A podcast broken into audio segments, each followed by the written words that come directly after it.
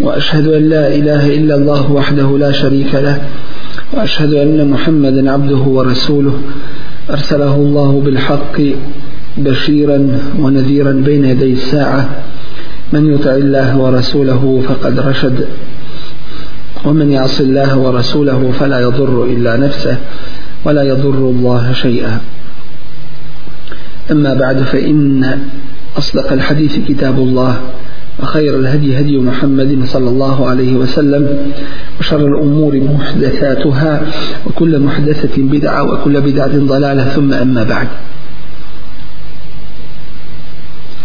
jedno od pitanja na koja se žale na koje se žale mnogi roditelji a vezano je za odgoj njihove djece jeste pitanje ili problem nepostojanja izgradnje ličnosti kod djedeta. Na djedetu se primjećuju tragovi bezbrižnog života, tra, tragovi neodgovornosti, tragovi jednostavno jednog načina života koji ih bilo čim ne obavezuje i samim tim na kraju jednostavno takva djeca bivaju bivaju vođena od drugih a nikako da oni imaju svoju ličnost da imaju svoj karakter da imaju ono što bi trebala imati jedna ličnost jedan musliman jedna muslimanka da bismo upoznali ovaj problem iz osnova i da bismo ga inša Allah riješili na uspješan način potrebno je nesumnjivo da se vratimo na šarijatske izvore na Kur'an, na sunnet na ono na čemu su bile prve generacije ovoga ummeta i na principe koji se uzimaju iz ovih izvora ovom prilikom progovorit ćemo o tome kako ovo riješiti i kako svoju djecu odgajati da bi imali svoj stav, da bi imali svoju ličnost, da bi imali svoj karakter, ono što se traži od svakog muslimana i muslimanke, samim tim što danas često primjećujemo zrele i odrasle ljude, zrele po godinama i po tijelima i fizičkom razvoju, ali kod njih često ne nalazimo one osnovne principe koje bi čovjek jedan, jedna žena muslimanka morali da imaju. Princip karaktera, princip ljudskosti, princip čovječnosti, što se kaže. Dakle, karaktera i ličnosti koja jednostavno stoji iza onoga što govori i radi po onome u što je uvjeđena.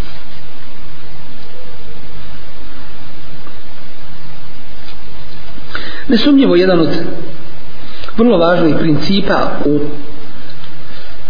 pogledu ovoga jeste da se djeci dadne njihov stepen, njihova vrijednost koju bi trebali da imaju. Da se jednostavno ne zapostave. Velika greška je kod roditelja kad god dijete nešto hoće da kaže, da mu kaže, pa dosta je tebe više ne mogu te slušati nikako, nemoj me svašta pričati tako dalje. Dakle, često roditelji nisu spremni da, da saslušaju dijete što ono hoće da kaže, pa da mu onda ukažu na ispravnost ili neispravnost toga. Ili kad dijete govori, da mu se uopšte pažnja ne obraća. Dakle, i ne sluša se šta dijete i ne sluša se šta dijete govori. Samim tim ono osjeća da je manje vrijednosti kod svojih roditelja a samim tim je društvo i nakon toga ili iz toga proističu mnogi kasni psihički ovaj problemi kod djedeta da ono uvijek osjeća da je osoba manje vrijednosti po nečemu što su već roditelji kod njega zaključili jer oni su najpreći koji koji daju zaključak o njemu a to je došlo kao posljedica njihove nemarnosti ili njihovog neznanja u pogledu odgoja djece.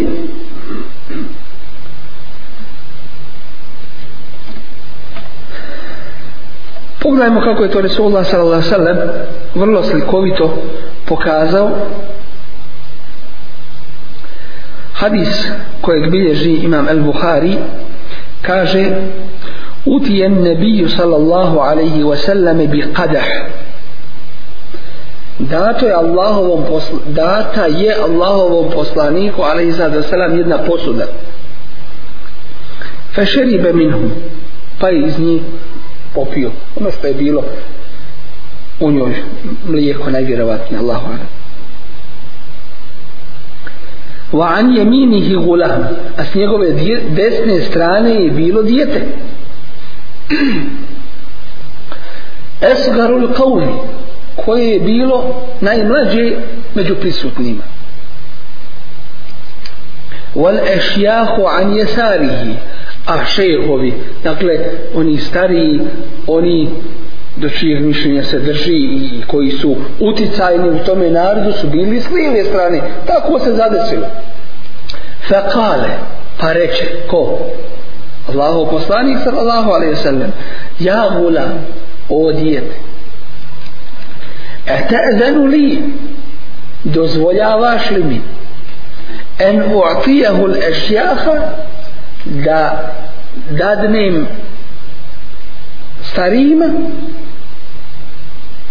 ovu posudu a dijete odgovori kale ma kuntu li usire bi fadli minke ehaden ja Rasul Allah ne može se desiti da pretpostavim ono što je iza tebe ostalo bilo koga nad sobom o Allaho poslanić nema to otvorenost To, to mu nije tek tako došlo, slučajno tome djetetu, da tako bude otvoren i da tako kaže. Otvorenost, jasnoća, što treba našu djecu od, od malih nogu učiti.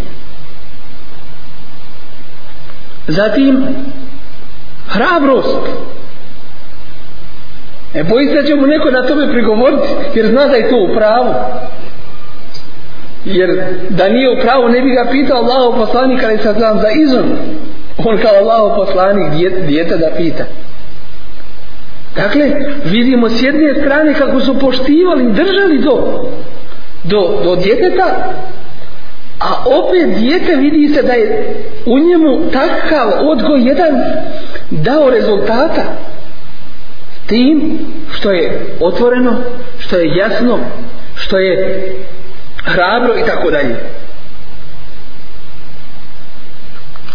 jer zna da je njegovo pravo znesne strane prvi da pije a iza Allahovog poslanika ali sad sam to je posebna čast i vrijednost da se napije dakle u tome u ovim stvarima nikome ne dajem prednost to je moj hak, to je moje pravo i ja hoću da ga iskoristim i nikoga u tome nije ukorio čak, su, čak se prenosi ovaj hadis i u stvari ovo je hvala, pohvala tome djetetu što je tako bilo otvoreno jasno i čvrsto u ome svome stavu danas kad pitane djecu šta ćeš popiti hoćeš, hoćeš li onaj sok, hoćeš mlijeko ništa neće biti da kaže hoću ili neću, ne slijedi ramenima ne zna, utučeno, ubijeno psihički jednostavno raštelovanje ima za ovog stava hoću to pa ti kaže otvoreno ne nego ništa to lako nema veze usput se kao živi ne može tako I dosta imamo tih primjera, ovo nam nije sada mjesto gdje ćemo sve te primjere navoditi. Cijela dijela su o tome napisane. Pogledajmo u primjer Abdullaha ibn Zubaira. U vrijeme hilafeta koga? U vrijeme hilafeta Umar radijallahu anhu. Djeca su ga se bojala praktično. Zbog njegove pojave. Što nije djeci zamjeriti? Mi ovdje govorimo o odgoju djece da budu hrabri i tako dalje. Ali ne možemo ih to na to nazor natjerati. Ali neki se od malih nogu time odlikuju. Abdullah ibn Zubair sva djeca se razbježala ono sto na sred ulici.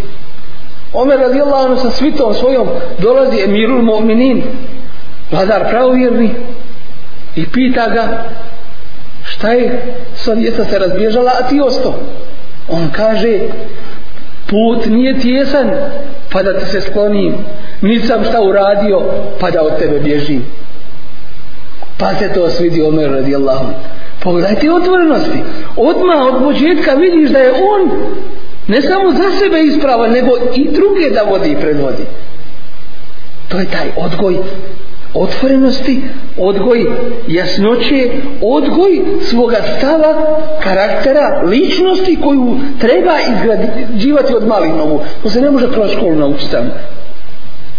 To se od malih nogu uči. Ako je pogriješilo dijete, onda ga upozori. Ali, izbjegavaj poniženje djeteta. Jer time ubijaš time ubijaš njegov karakter, njegovu ličnost. Ne da on tu da, da mu daruješ u to. Ako ga istučeš, neće mu biti toliko krivo koliko ako ga poniziš pred drugim. Javno ako kažeš, vidiš ti kakav si, nesposoban si, nisi niža, ne znaš šta, ni za šta ne valjaš, tako dalje, psihički si ga, psihički si ga skrvo ubio i to je gore nego da si ga fizički kaznio. Dakle, izbjegavati ponižavanje, ponižavanje djeteta da ne dovede do suprotnih rezultata. Isto tako od principa koji bi trebalo zastupati u odgoju djece e, u pogledu izgradnje njihovog karaktera jeste da ih od malih nogu učimo edebu, lijepome ponašanju sa starijima. Pogrešno je dijete kritikovat i ukorit, rekom se nam, prije nego što ga poučim možda je dotično pitanje kod nas jasno i na, nama to ne treba posebno govoriti ali djetetu to nije jasno da li smo ih naučili edebu sa starijima u koje vrijeme kada dolazi treba zatražiti izun da uđe u određene prostorije u kući zbog važnosti toga propisa Kur'an to spominje Jer ashabi kažu, rekao se Aura, ashabi kažu za ajet koji je objavljen tim povodom u suri En-Nur. Požalili su se Allahovom poslaniku, ali sad sve. Rekli mu, Allahov poslanik je naša djeca, to je jedan nerazdvojni dio nas. A oni nam ulaze u naše prostorije kad ne bismo volili da nas zateknu i onda je Allah tabarik wa ta'ala objavio ajet koji upućuje kada djeca treba izum da zatraže kada ulaze starije jer će ga naći neodjevenog ili naći jednostavno onako kako će dati loše posljedice to na dijete ostaviti i s druge strane ako žete ne volio da ga dijete vidi u tome dakle jednostavno edep sa starijima kako će se, kako će se ponašati Resulullah alaih sad sam i upućivo svoje ashabe na to kako bilježi imam al-Bukhari u hadisu gdje kaže Resul alaih sad sam yusellimu sagiru ala al-kebir mlađi selam naziva starijim dakle edeb sa starijim u ponašanju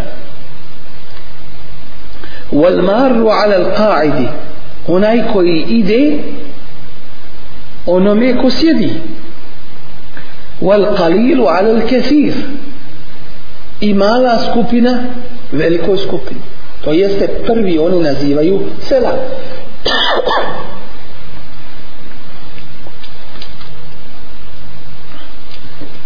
od onoga što utiče pozitivno na izgradnju ličnosti djeteta i njegov karakter jeste da dijete kada je svjesno toga i kada je u arapskom jeziku se kaže mumejez to jeste u tom je periodu kada razaznaje stvari kad neće praviti gluposti i tako dalje kad vidimo da će nas poslušat kad kažemo slušaj, prati i tako dalje da ga dovedemo u džamiju jer dijete kada je prisutno na mjestu gdje su stariji Poznato nam je da dijete volio ponaša starije. I onome što valja i onome što ne valja. I zato, da sto puta svom djetu kažeš, nemoj to uraditi, a ti uradiš jednom, ono će te imitirati onome što si uradio, a ne onome što si, a ne onome što si mu rekao. Dakle, dijelo je to koje, koje utiče. Primjer jedan. I zato Ibn Tajim kaže, kada pogledamo da bismo pouku uzeli kada pogledamo djecu koja nisu odgojena odgovor ćemo u većini slučajeva naći u njihovim roditeljima time što su ih zapustili time što i nisu odgajali i što su i pomagali na onome što će ih iskvariti dijete kaže daj a ti maj Znači, odmah poletiš. Valjalo to za njega ili ne valjalo, ti poletiš da mu, da mu to dadeš, da mu zadovoljiš. Eto, kad ja nisam nekon, nek on to osjeti, nek on uživa u tome i tako dalje. Jednostavno pomogu da se ispori. Dakle, došlo Fesad od, od samih roditelja. Dakle, vidjet ćete da dijete voli joj ponašati starije. Trebamo biti svjesni da dijete kada dovedemo na takve skupove, ako ima, prisutuju stariji da se ono osjeća starijim puno osjeća se da je sazrilo za to društvo i to pomaže u njegovom sazrijevanju u njegovoj ozbiljnosti kada vidi da staj, stoji u istome safu u kojem stoje stari gdje nema razgovor gdje se skrušeno pred Allahom da bare kova stoji jedan veliki vid odgoja karaktera toga djeteta, ličnosti njegovi, da on osjeća i shvata od malih nogu da ima neko pred kim se stoji, pred kim se polaže račun, pred kim se odgovara, kome se na seđu pada.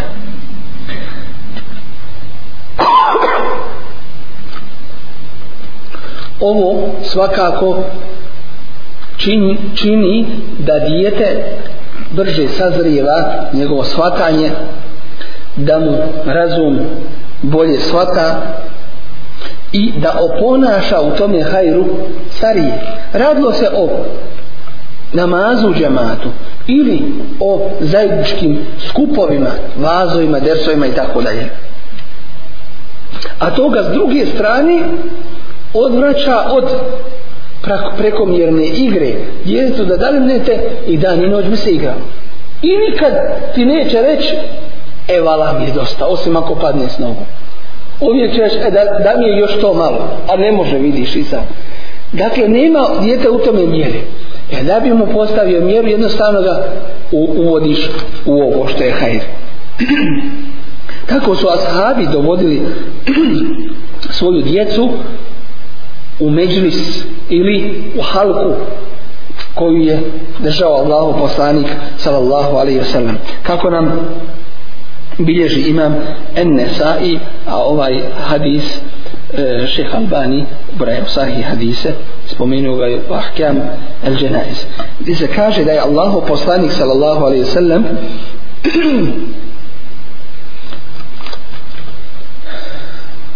sjedio u svojom međlisu u kome je bio prisutan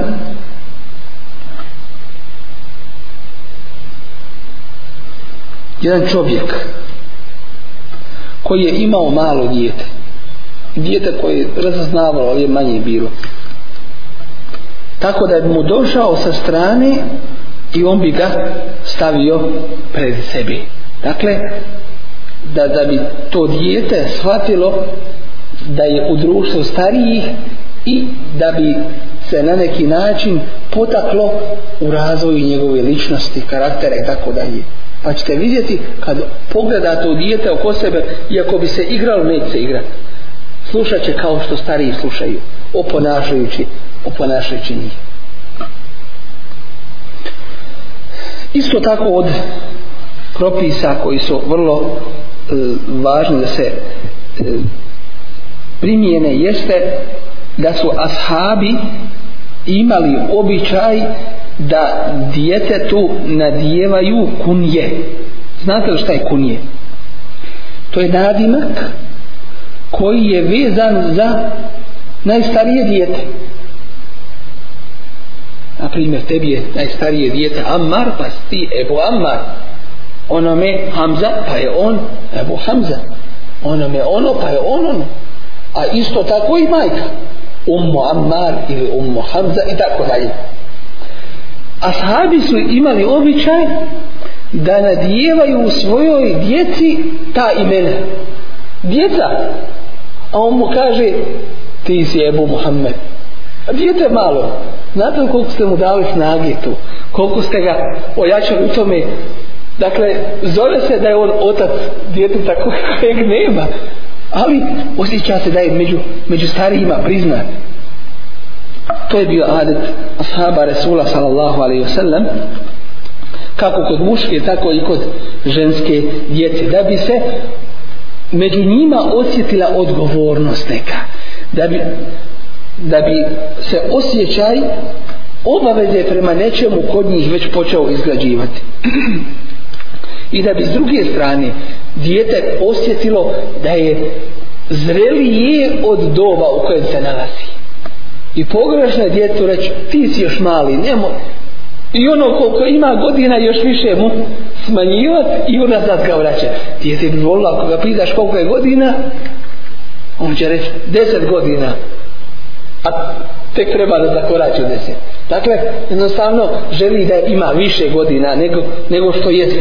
I zato ne treba ga vraćati unazad, nego ga unapređivati na neki način. Tako da se na taj način isto osjeća oponašanje starijih kod djece. Tako Resulullah sallallahu je isto tako kunjama ili takvim nadin, nadincima po najstarijim djetetu kojeg još kod djece nema nazivao djecu. Prenosi se od Enesa radijallahu anhu da je rekao Allahu poslanik sallallahu alaihi sallam kanan nabiju sallallahu alaihi wasallame ahsanan nasi hulukat bio je Allah poslanik ali sad sam najljepšeg ahlaka među ljudima najljepšeg ponašanja wa kjane li ehun yukalu lehu ebu umeir imao sam brata koji se zvao Ebu Umeir djeta zove se otac Umeira kale wa kjane iza jae kale Pa kada bi Allah poslanik ali sam sam došao do njega, rekao bi mu, ja Eba Umeir, ma fa'alan Nugair, o Ebu Umeire, šta je uradio Nugair? Nugair je mala ptica kojom se igrao njegov brat. Hadis prenosi Buharija. Dakle, tako ga je Allah poslanik ali sam sam nazivao kao, kao dijete. Prenosi se od Ummi Khalid, binti Khalid u hadisu koga isto tako obilježi imam Buharija kalet utijen nebiju sallallahu alaihi ve selleme bi sijabin fiha hamisatun seuda u sagira došla je do Allahovog poslanika sallallahu alaihi ve sellem jedna hajnica svilena mala crna jedna mala haljica fa kale men teravne en neksu ahadihi pa reće svojima sahabima šta mislite šta predlažete kome da obučem ovo dječja jedna haljica svilena crna فسكت القوم قالوا لسوشوت شيء قال اوتوني بام خالد دونست ام خالد curicu malo, zove se Ummu Habib. Kaže, donesite mi Ummu Habib. Fa utije biha tuhmel. Pa mu je donesoš mala, pa je donesoš. Ovo ukazuje na činjenicu da je bila ovaj mala da, je, da nije imala puno godina. Fa ehadel hamisote bijedi. Pa uze tu haljenicu svojom rukom, ali sada salam, fe elbeteha pa joj je obuđe pogledajmo tu pažnju pre, prema, prema djetetu kod nas neko i kad kupi kako hajnička, evo kupio sam ti i onda su im poslali on uzeo pa odabro pa kaže evo hodite dovedite je vam donesite je pa je on obuđen koliko to je ustavilo utjecaja dovoljno nam je to da nam Buharija prenosi hadis od te male djevojce ona je to zapamtila pored pored toga što je bila malo djetešce. Ostalo je to u pamći. To, to je bila cijela škola za nju. Kaže, pa joj je svojom rukom obukao tu haljenicu. I reče joj, va kale, ebli va hliki. Šta znači ebli? Znači, poderi je i upotrebi je. Dakle, to je kao dova da ti bude dugotrajna do, do tle dok je ne podereš, dok, dok ti bude valjeno.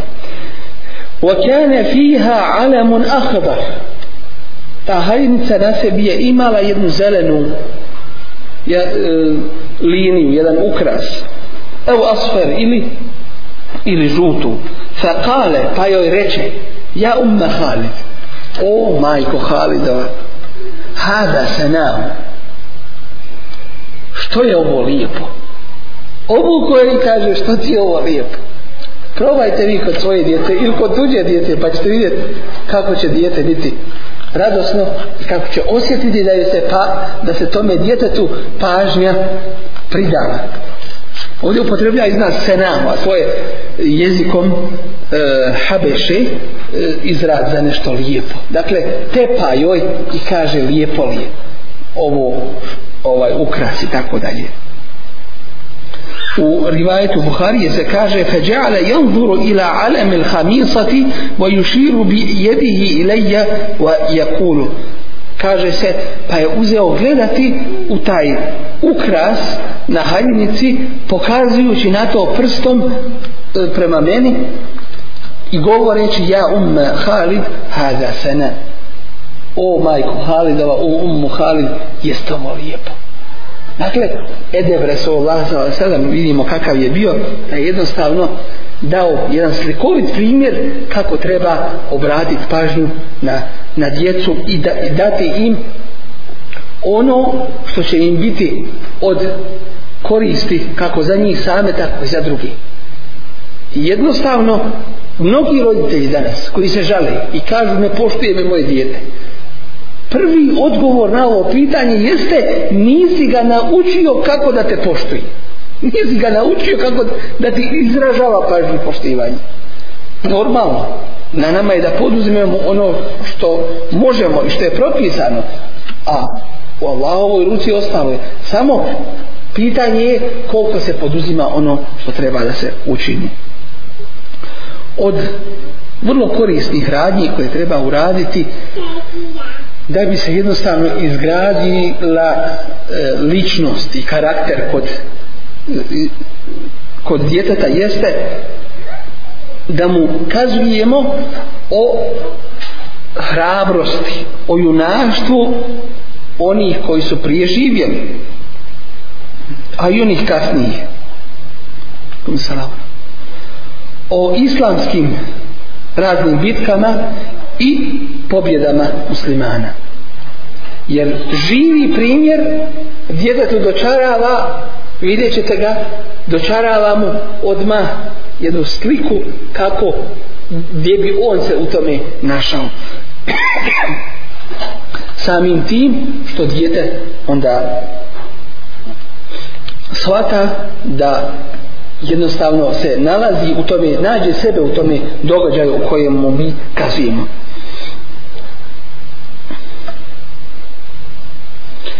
Zubair ibn al-Awwam radijallahu ta'ala anhu imao je dvoje djece.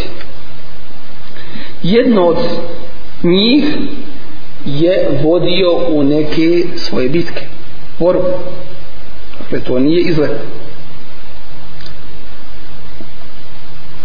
a drugo dijete znate šta je radilo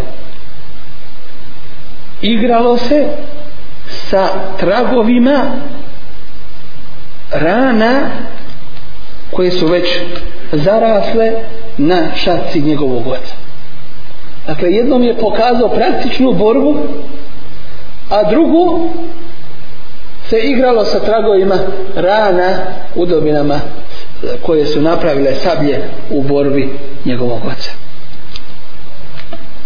Kao što spominje rivajt od Urve ibn Zubeira radijallahu anhuma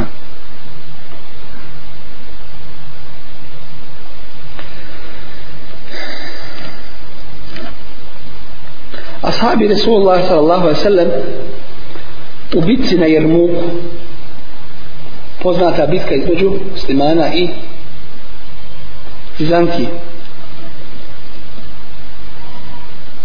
Rekoše Zubeiru, a to je jedan od najvećih junaka, heroja, gazija među ashabima. Rekoše Zubeiru, Ela te šuddu, fe ne šudda na'ak. Zašto ne prižestiš, pa da i mi s tobom prižestimo? Znate šta znači?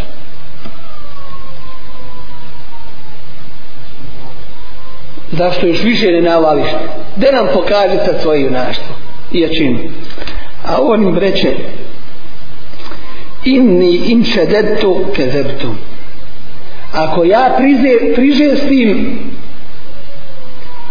nećete biti iskreni to jeste nećete vi svoje ispuniti fa kalu la ne kažu nećemo mi ćemo s tobom fahamala alayhim ali to nije u ljudskoj mogućnosti imaš svoju granicu koliko možeš o, ovo su posebni slučaje fahamala alayhim to je dakle pa navali na njih Zubair junačina o tome posebnim šal ima kazivanje navali na rimljane hatta šelka sufufahum pa presjeće njihove redove kao što bi uzeo i zareza ovako nešto poče ih sjeći samo razmicati jedne u drugi feđavezehum pa ih prođe preko sredine وَمَا مَعَهُ أَحَدْ A s njim nikoga nema. Sam, sam sam. ثُمَّ رَجَعَ مُقْبِلًا Zatim se vrati ne okrećući im leđa dakle boreći se opet s njima fe ehadu pa oni uzješe te ste rimljeni bili džamihi za uzde njegovog konja tom prilikom fe darebuhu darbetejni ala atiqihi pa ga udariši dva udarca na njegovim plećima bejnehuma darbe između ta dva udarca bio jedan udarac duribe hajome bedr koji je dobio na dan bedra kale urve kaže urve njegov sin sin Zubejra kuntu udhilu esabi'i fi tilka barabat ja sam svoje prste stavljao u rupe od tih udaraca dakle rupe su bile po njegovom tijelu koje je sablja napravila tim udarcima neprijateljskim El abu wa ena sagir igrao sam se tako dok sam bio mali pogledajte njihove igre pogledajte toga terbijeta da je ostalo u njegovom zihnu u njegovom pamćenju to da je njegov otac borio se na Allahovom putu to je najbolja škola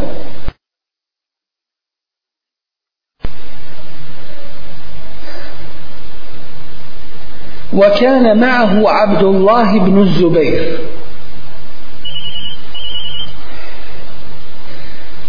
tom prilikom je s njim bio Abdullah ibn Zubair ovo je jedan njegov sin Urve ibn Zubair po čemu zata Urveta po čemu je on još poznat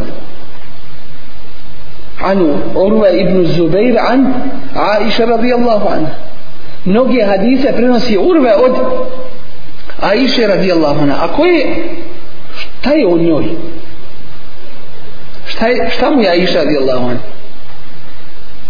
koje koje žena Zubeira bila Esma binti Ebi binti Ebi Bekr ona koja je pomagala Allahovom poslaniku sallallahu sallam i svome ocu za vrijeme hijđri a Esma i Aisha su dvije sestre što znači da je Aisha radijallahu anha tetka Urve i mnogi hadise Urve prenosi od, od svoje tetke Aisha radijallahu anha majke svih vjernika Abdullah ibn Zubair dalje ovaj rivajt u Buhari kaže a Abdullah je bio sa svojim ocem toga dana dana Jermuka wa huwa ibn Ašri Sinin a imao je tada koliko? deset godina pogledajmo mi koji imamo djecu od deset godina šta radi čim se bavi fehana lehu ala feres popeo ga je na konje učestvovo je u bitci fehana lehu ala feres digao ga je na konje wa vakele bihi ređule jednog čovjeka je zadužio njime opisujući nam ovaj rivajet Ibn Hajar rahimahullah u komentaru ovog hadisa kaže Zubeir je osjetio kod svoga sina Abdullaha snagu, hrabrost sposobnost jahanja pa je dao konje ali se bojao za njega da tim konjem ne navali na neprijatelja onoliko koliko ne može dakle osjetio hrabrost kod svog djeteta od 10 godina pa je zato jednog čovjeka zadužio da ide uz njega da mu ne dozvoje da pretjera da sebe ne uvede u škripac iz kojeg ne može da izađe jer još je dijete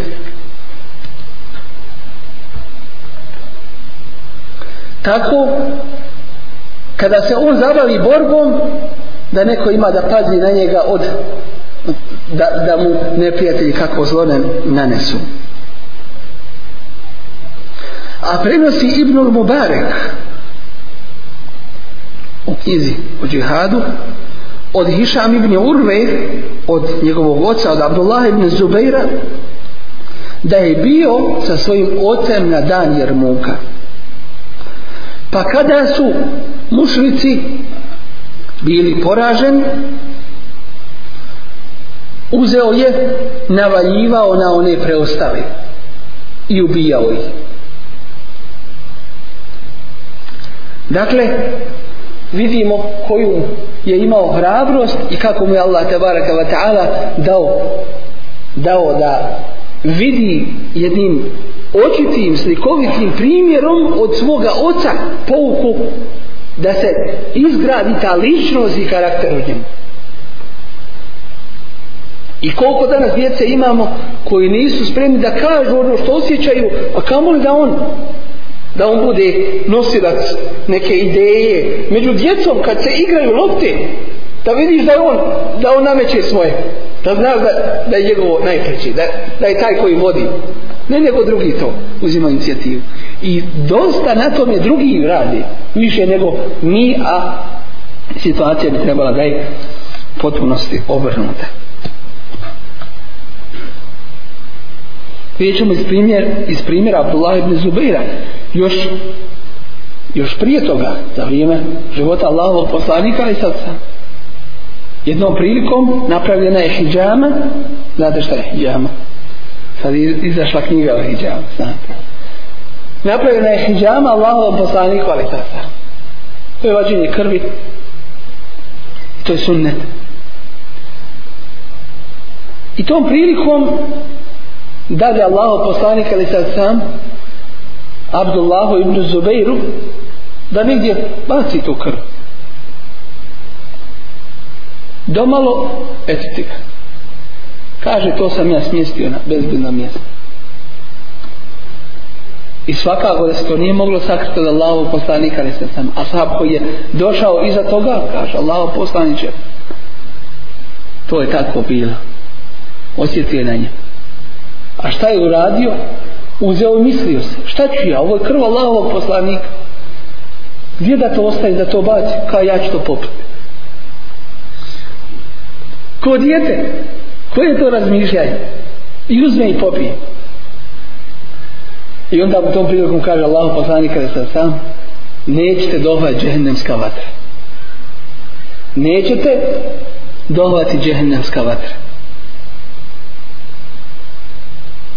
teško li tebi od ljudi i teško li ljudima od tebe ne mogu te pratiti ne mogu ići s tobom u korak ne mogu pratiti jednostavno prevaziraziš njihove mogućnosti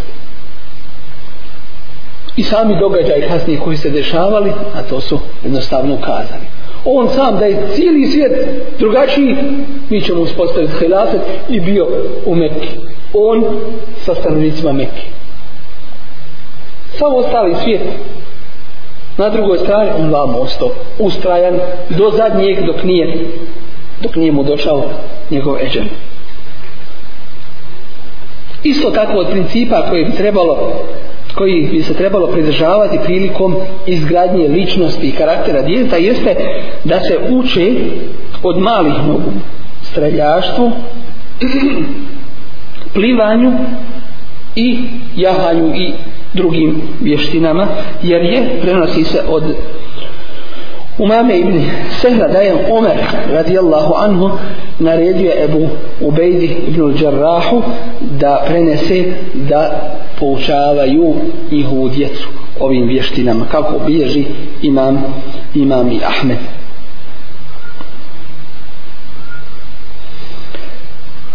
dijete bi svakako trebalo da izbjegava ono što vidimo i nalazimo u društvu među ljudima i ženama kao što je igranje, ples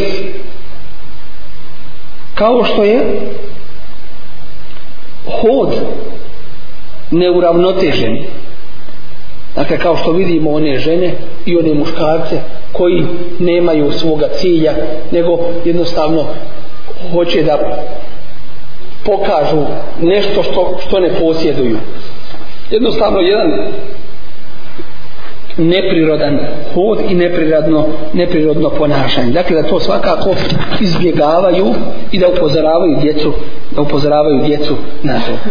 Dakle, kad idu, da idu ozbiljno da idu odmjereno ne da se vuku kao da su bolesnici niti jednostavno da im glava leti bez, bez kontrole desno lijevo dakle da, da ih učimo od malih nogu načinu života i, i ponašanja i ono što vide da odmah oni i to ćemo vrlo lako primijetiti kod djece da ono što vide od ispravnih stvari da podrže a ono što vidi od neispravnih da da kritikuju i da to pokušavaju u svome domenu da da spriječe s tim što kad vidi nepravilnost i negativnost kod starijih da ih razlika ta velika u godinama ne spriječi da istinu kažu onako kako treba na lijep način da, da se kaže i da ukažu na ono što ne valja kada vide da to nemaju. I vidjet ćete. Dijete kad tome naučite, kad vidi čovjeka da, da stavlja usta ono što ne treba, jednostavno, onda odma neće vam pitati babo mogu li ja, odma će reći eno ga babo ne valja. Znači odma izgrađuješ kod njega karakter odbojnosti prema onome što ne valja ili vidiš nešto što je vidiš nešto što je dobro da dijete u tome učestvuje da, da pomaže da pomaže u tome dobro isto tako da izbjegava o ponašanje drugih svakako ne muslimana u njihovom oblačenju u njihovoj frizuri u njihovom ponašanju u njihovom razgovoru i tako dalje dakle da ima svoju na neki način samostalnost da se ne povodi da se ne povodi za drugim daj Bog do ovome i ovom sličnom govoreno prije i prije mnogi su mnoge su stvari zapuštene i mnoge su stvari propuštene pa tek se sada o njima govori ali inša nadamo se da nije za mnogi opet kasno čak i mali Malik do te mjere kaže da se djeci muškoj ne oblači ništa zlatno niti svileno od malih nogu iako znamo da djeca za njih jednostavno šarijetski propisi nisu kao u slučaju odraslih ljudi i muškaraca nemaju te obaveznosti nemaju te te, ovaj, te propisanosti S druge strane, isto je važno kod ženske djece da se od malih nogu uče da budu ponosna islama. Djeca od malih nogu navikava na pokrivanje. I da zna da je ona muslima kada je time ponosna. Jednostavno, što time udaljavaš onaj šer, jer šer kad vidi da je ona takva, neće joj prići i će biti, ili će biti dalji od njih. Ovim ne kažemo da se djeca mala prisiljavaju da moraju konstantno to nositi. Ponekad obuće, kažemo navikavanje to. Jednostavno da se kod djeteta razbije kompleks manje vrijednosti koji želi da se naturi od drugih i to danas stariji su pod pod utjecajem toga kompleksa manje vrijednosti i zato cijele kuće što bi se reklo, ne kuće kao zgrade, nego cijele institucije rade na tome da bi psihološki uticale na mase. Pa ima nešto danas što se zove modom, koja mnogima pare iz džepa istiraju. Što? Hoće da bude u trendu, hoće da bude u modi, hoće da vidi da, da se ponosi time. Jel vi vidite ove koji nosaju, koji vodaju cuke po skaku? da on osjeća ponos time što on stane sa cukom kad on kad on zastane da ono svoje završi on osjeća ponos da ima neko da ga sluša jer ga niko ne sluša pa makar ovaj cuko njega sluša a kad vidiš na kraju on više cuku sluša nek cuko njega jer ga valja izvest na veće uvest valja ga nahraniti valja ga očistiti valja nema havizu Dakle, jednostavno osjećaju ponos time. Tako i to. Te kuće mode, te institucije, jednostavno kroz te časopise ubacuju ne samo sa djeci, nego ljudima i ženama tu svijest da on mora biti u tome krugu jednome. Koliko to košta, to niko više i ne pita. Dakle, današnji problem praćenja mode, modnih časopisa, osjeća manje vrijednosti osim usljeđenja drugi, od malih nogu se izgrađuje. Pa smo sad prisiljeni i starije i mlađe, praktično u jedan sav i učimo svi sada, od početka.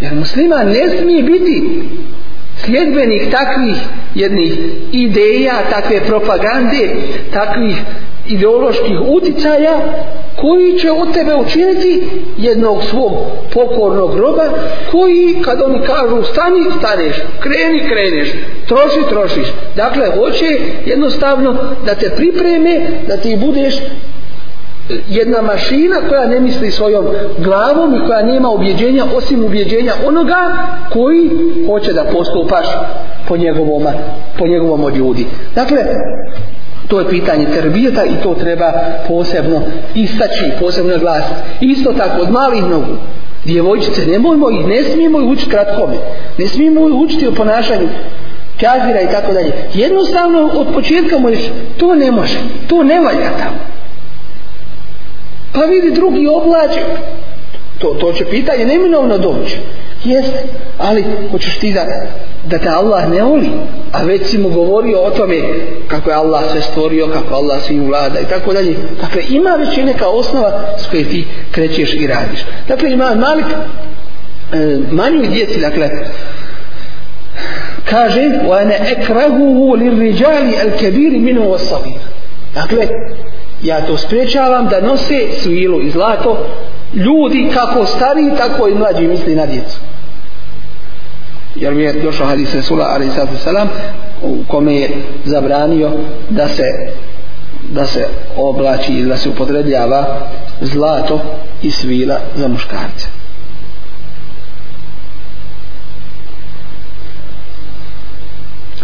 između stvari koje bi trebalo primijeniti da bi dijete osjetilo da držimo od njegovog mišljenja do njega kao ličnosti da on ima svoju važnost tako dalje jeste da mu se selam naziva djeci se selam naziva kao što je došao denesa Ibn Malika radijallahu anu da je Allahu poslanika ali izadne selam prošao pored skupine djece fe selama alej pa im je selam nazvao on kao Allaho poslanik djeca se igraju tako bi rekao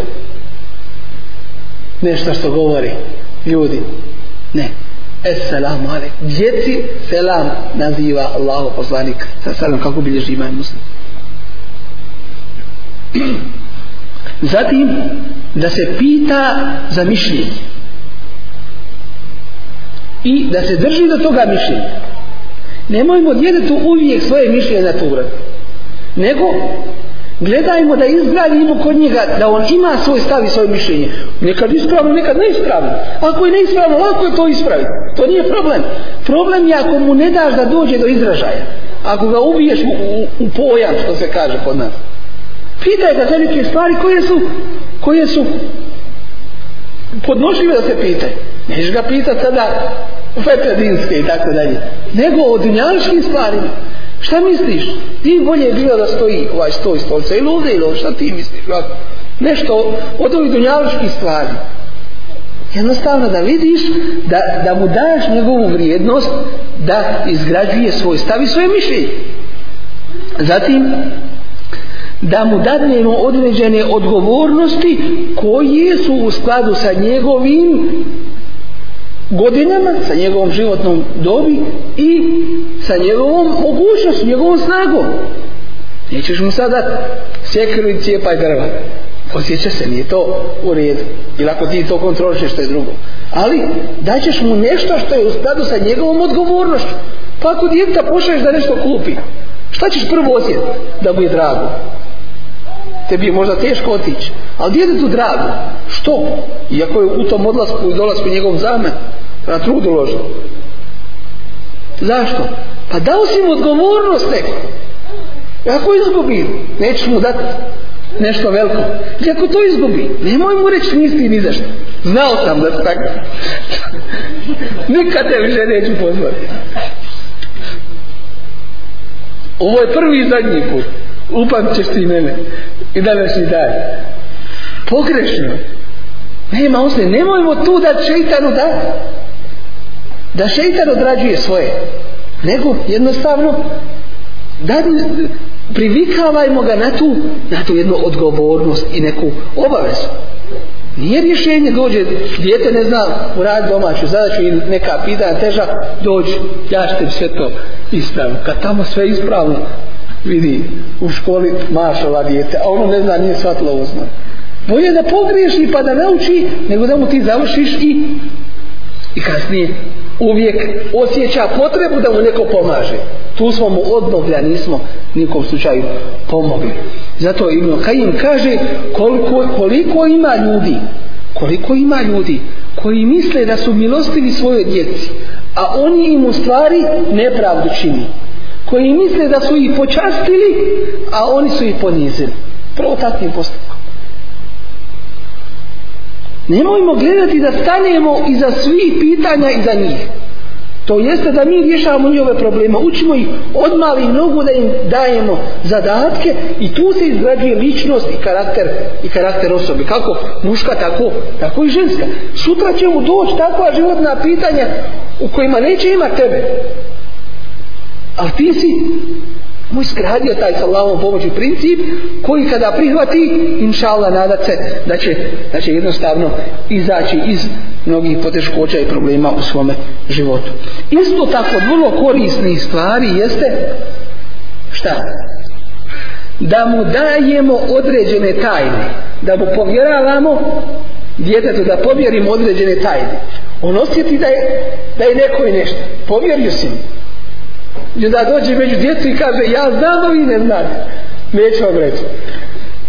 Onda drugo djede dođe pa kaže, da ima ne vedi. Nešto drugo. Dakle, osjeti se da je neko i nešto. Imaš njega povjerenje.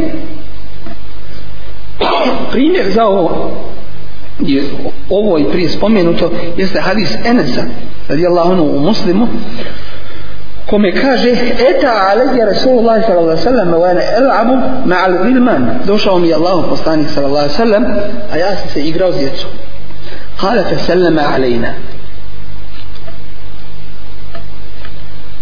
kaže pa nam je selam nazvao fada'athani ila hajatin pa me je poslao na nek, u neku svoju potrebu nešto da završim nešto da uradim fa ebta'tu ala ummi pa sam zakasnio u dolazku svoje majice u vraćanju kući fa lemma džitu kalet pa kada sam došao reče mi ko svaka majka ma has habes šta te je zadržalo kultu ba'athani rasulullahi sallallahu alaihi sallam li hađe Allaho poslanik me poslao na jedan posao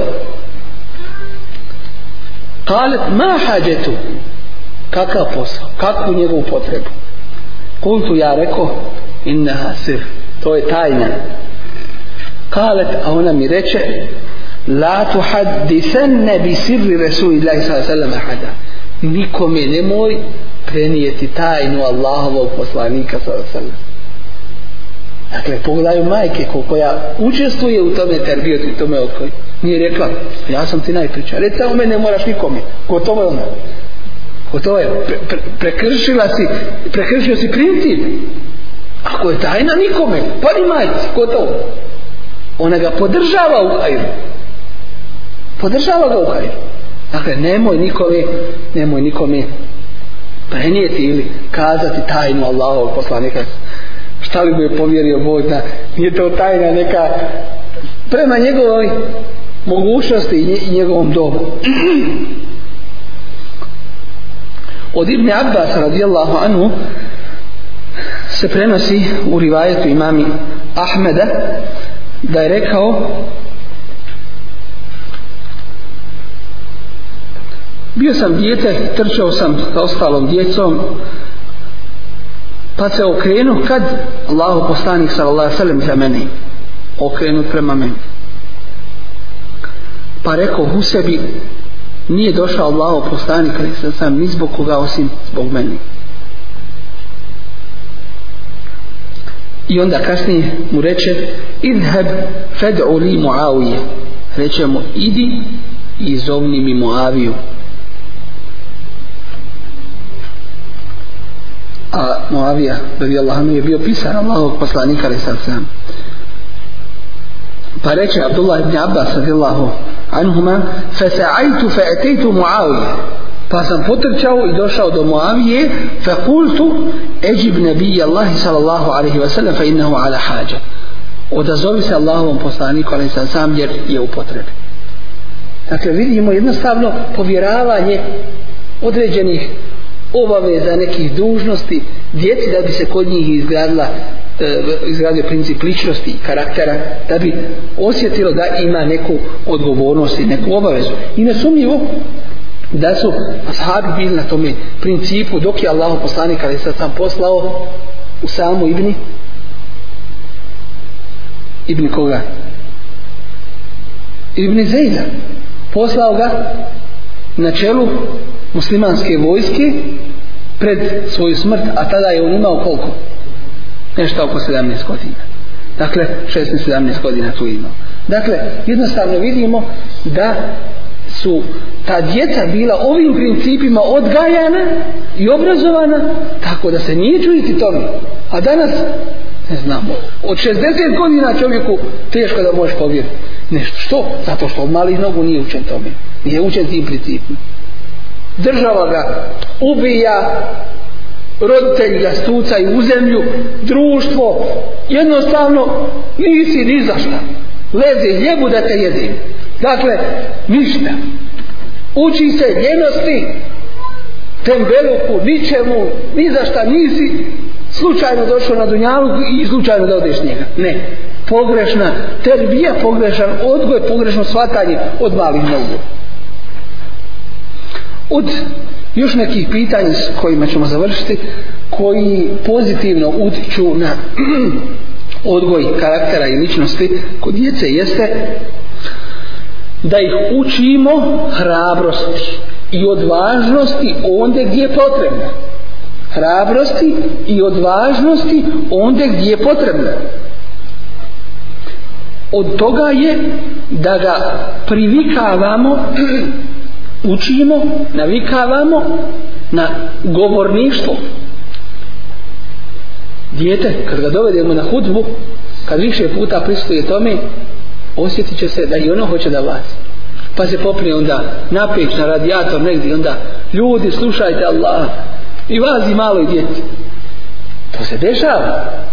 Osobito kad ga mi na to navikavamo, dovedemo ga pred djecu, e sad ti njima reci, to i to da im ispričam osjetit će se jednostavno da je taj koji koji kazuje i biva slušan i poslušan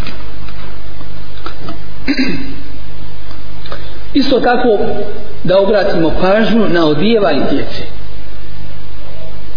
da ih ne odijevamo odjećom po kojoj su karakteristični nemuslimani odjećom u kojoj gleda gdje će sjest odjećom koju gleda da ne padne praška neka na nju nego jednom uobičajenom odjećom koja ga neće dovesti do kibura s jedne strane oholosti da, osjeti, da se osjeti da je bolji od drugih zbog toga, zbog te odjeće ili da se nosi da je slabiji od drugih da nije skroz dividus dakle, zabaciti ista je situacija dakle sa sa češljanjem sa radnjama određenim ponašanjem hodom, sjedenjem i tako dalje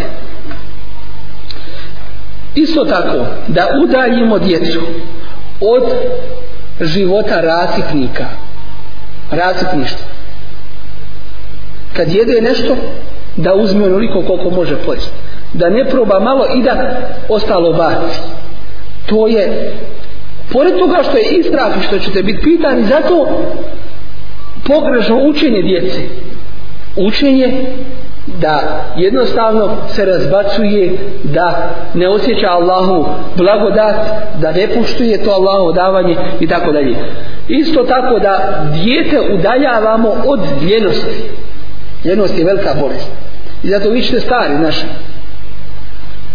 kad vidi dijete da nešto s puta nogom sklanja, kaže ne boj niko što to kaže, to je ugur suzlog.